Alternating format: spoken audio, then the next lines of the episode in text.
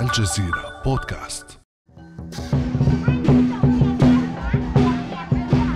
هذه إيقاعات وأنغام رقصتي التنين والأسد التقليديتين في الصين التي ترافق احتفالات الصينيين بحلول العام الجديد. ولكن غابت هذه المرة احتفالات هذا العام ولم تجتمع العائلة الصينية كالمعتاد. فقد بدت شوارع عدة مدن صينية مظلمة وخالية من سكانها الذين لازم بعضهم المنازل واصطف آخرون في طوابير طويلة أمام المستشفيات المكتظة وأمام الصيدليات لاقتناء المطهرات والأقنعة الواقية من عدوى فيروس كورونا الجديد. في الأثناء تسارع السلطات الصحية الخطى لإيجاد لقاح مضاد لهذا الفيروس. فما السبب وراء انتشار فيروس كورونا الجديد في هذا البلد وفي عدة دول في العالم؟ بعد أمس من الجزيرة بودكاست أنا خديجة بن جنة.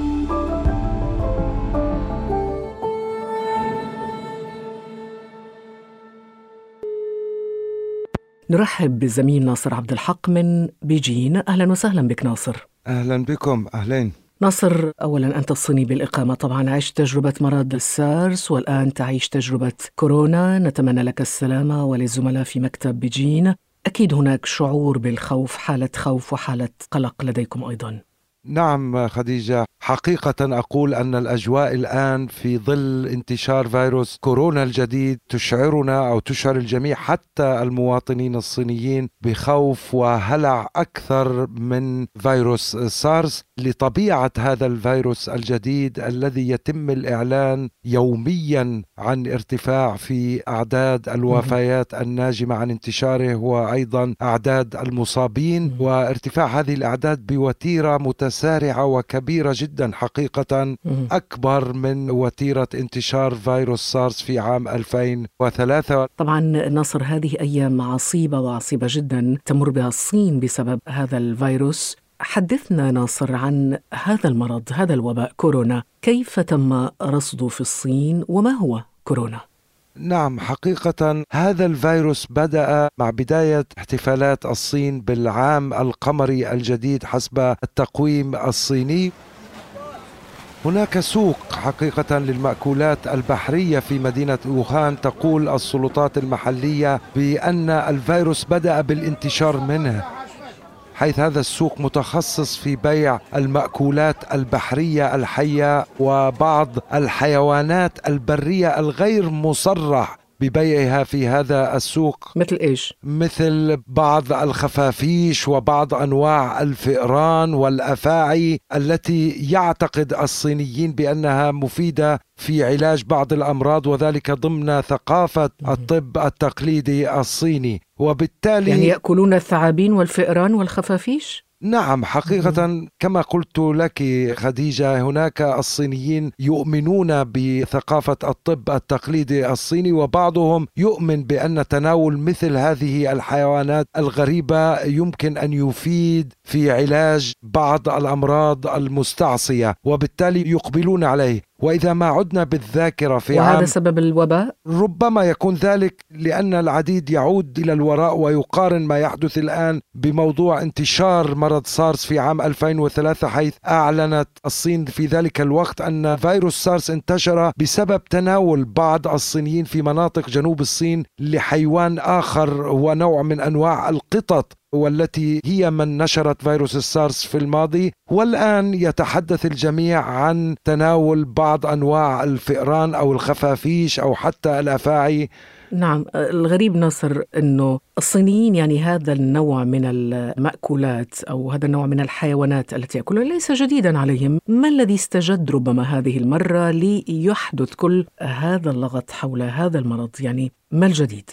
نعم خديجة حقيقة ما تفضلت فيه يذكرني بكلمة كان يتناولها بعض الأصدقاء من باب المداعبة والمزح. يعني يقولون أن الصينيين يأكلون كل ما يدب على الأرض أو يسير على الأرض ما عدا السيارة وكل ما يطير في الجو ما عدا الطائرة وكل ما يسبح في الماء ما عدا السفينة. حقيقة من خلال خبرتي وحياتي في الصين حيث أنا هنا في الصين منذ ثلاثين عاما حقيقة هذه المأكولات الغريبة ليست متوفرة في كل مطاعم ومدن الصين حيث أن هناك بعض الصينيين أنفسهم يشمئزون من طبيعة هذه المأكولات. لكن كما ذكرت سابقا هناك بعض الصينيين من يؤمنون بأن تناول مثل هذه الحيوانات الغريبة من خلال ثقافة الطب الصيني هي علاج تقليدي لعلاج بعض الأمراض المستعصية. وما يؤكد كلامك ناصر فعلا هو ما أشار إليه المتحدث باسم منظمة الصحة العالمية تاريك جازاريفيك بأن السبب هو تناول حيوانات برية وبحرية. استنادا إلى المعطيات المتوفرة حاليا فإن عدوى فيروس كورونا ناجمة على الأرجح من مصدر حيواني. وهذا إذا ربما ما دفع السلطات الصينية إلى حظر بيع الحيوانات البرية ومنتجاتها في الأسواق والمطاعم ناصر أليس كذلك؟ نعم أكيد خديجة. أصدرت الصين مؤخرا قرارا تحظر فيه بيع الحيوانات البرية في الأسواق. لكن حقيقة خديجة على الرغم من إعلان منظمة الصحة العالمية والسلطات المحلية من أن احتمالية أن يكون المأكولات هذه البحرية والبرية هي السبب المباشر وراء انتشار هذا الفيروس لكن بدأت العديد هناك أيضا من التساؤلات. الصينيون في جنوب الصين يتناولون هذا النوع من الأطعمة منذ زمن بعيد وهناك علامة استفهام لماذا بدأ الفيروس الآن؟ ولكن المصاب بهذا الوباء ما هي الأعراض التي تبدو عليه عادة؟ نعم يقول المتخصصون الطبيون هنا في الصين بأن فترة حضانة هذا الفيروس تستمر لأربعة عشر يوما بمعنى أن يمكن أن يكون الإنسان مصاب بهذا الفيروس ولا تظهر عليه أعراض لمدة أربعة عشر يوما وبعد ذلك تبدأ عليه الأعراض بالظهور وتتمثل هذه الأعراض بحمى مرتفعة وبعض السعال والألم في الصدر وهي أعراض مماثلة للعدوى العديد من أنواع الإنفلونزا أو الالتهاب الرئوي.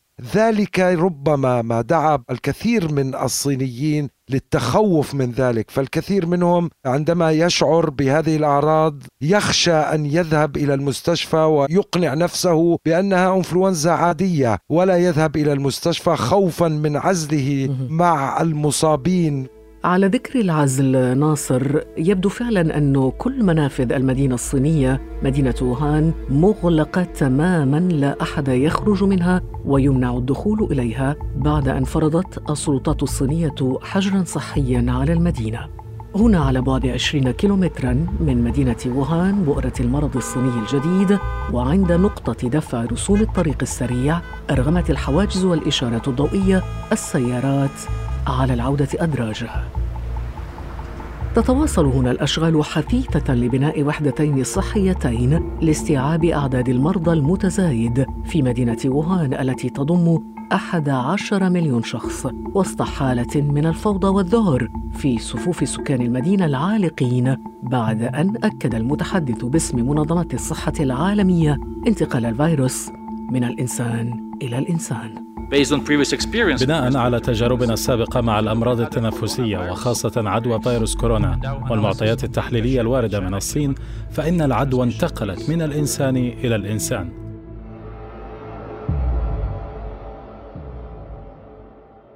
على مستوى الصين عدا العزل ما هي الإجراءات التي اتخذتها السلطات الصينية لاحتواء كورونا؟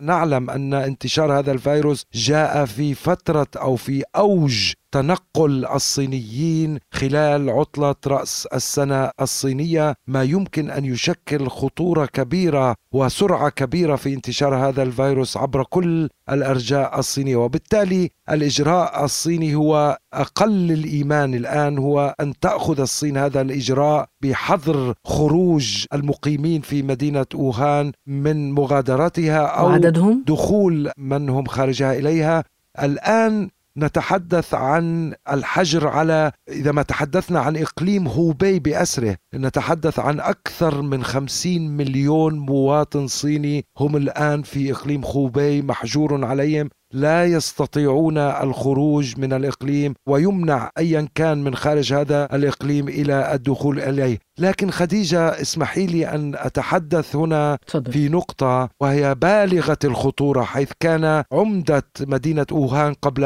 يومين قد أعلن عن أن هناك خمسة ملايين من سكان مدينة أوهان كانوا قد غادروها. قبيل عطلة عيد الربيع الصيني ولا تعلم السلطات الصينية حقيقة إن ما كانوا يحملون لهذا الفيروس. وبالتالي هؤلاء الخمسة ملايين ليس عددا بسيطا يمكن أن يشكلوا خطرا كبيرا على باقي المواطنين الصينيين؟ يعني خمسة ملايين الصيني غادروا أوهان لكن داخل الصين. لا نتحدث عن خروجهم خارج الصين.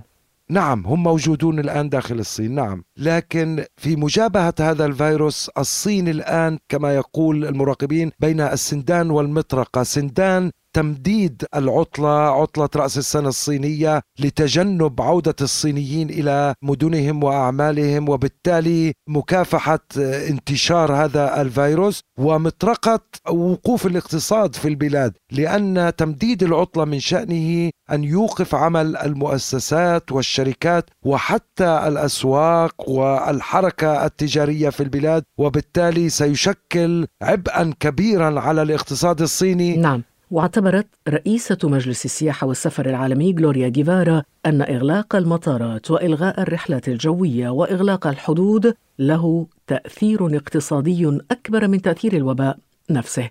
ما هي تداعيات انتشار كورونا إذن على المستوى الاقتصادي نصر؟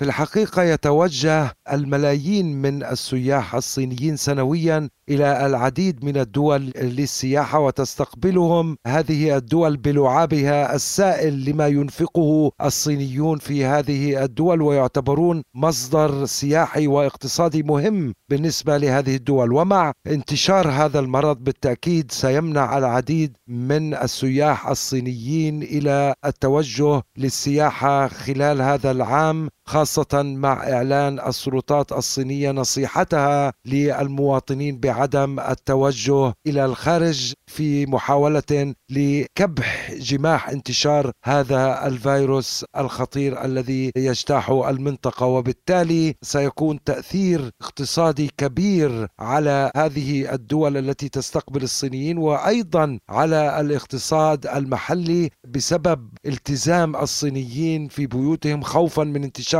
الفيروس فإن قطاع الاستهلاك والسياحة المحلية أيضا أيضا تأثر بشكل كبير. أصيب بالشلل. نعم. نعم. الغريب ناصر أن موجة من التدوينات والتغريدات في الدول العربية على مواقع التواصل الاجتماعي تبنت نظرية المؤامرة. طبعا نحن مشهورين بنظرية المؤامرة. بعض الناس يعتقدون أنه كورونا أو غيره من الأمراض التي أصبحت تتفشى هكذا فجأة بين الفينة والأخرى خصوصا في السنوات الأخيرة هي نوع من أنواع الأسلحة البيولوجية مؤامرة من شركات تصنيع الدواء وهكذا يعني أشياء من هذا القبيل. حقيقة هذه ما زالت في إطار الإشاعات والتكهنات لكن هناك سؤال مطروح من بعض المراقبين حقيقة بأنه إذا كانت هذه الفيروسات أتت حسب تصريح السلطات الرسمية من بعض الحيوانات الغريبة أو الحيوانات البرية. فسكان الجنوب الصيني يتناولون هذه الحيوانات منذ فترة طويلة. فلماذا فقط في هذه الفترة مؤخرا أعلن عن أن هذه الحيوانات يمكنها أن تنقل هذا النوع من الفيروسات إلى الجنس البشري وبالتالي هناك بعض علامات الاستفهام على هذه النقطة فقط. لكن النقطة الأخطر هو الاعتقاد السائد الآن عند كثير من المراقبين بأن هذا الفيروس ربما ليس طبيعيا موجود في الطبيعة بل هو من صناعة الإنسان صناعة بشرية. اذا احتمال من الاحتمالات ناصر أن يكون كورونا صناعة بشرية. هذا احتمال من الاحتمالات. شكرا جزيلا لك ناصر عبد الحق في بيجين. ألف شكر لك ونسأل الله لك السلامة وللزملاء ولكل الناس من هذا الوباء الخطير. ألف شكر لك. ألف شكر لكم كان هذا بعد أمس.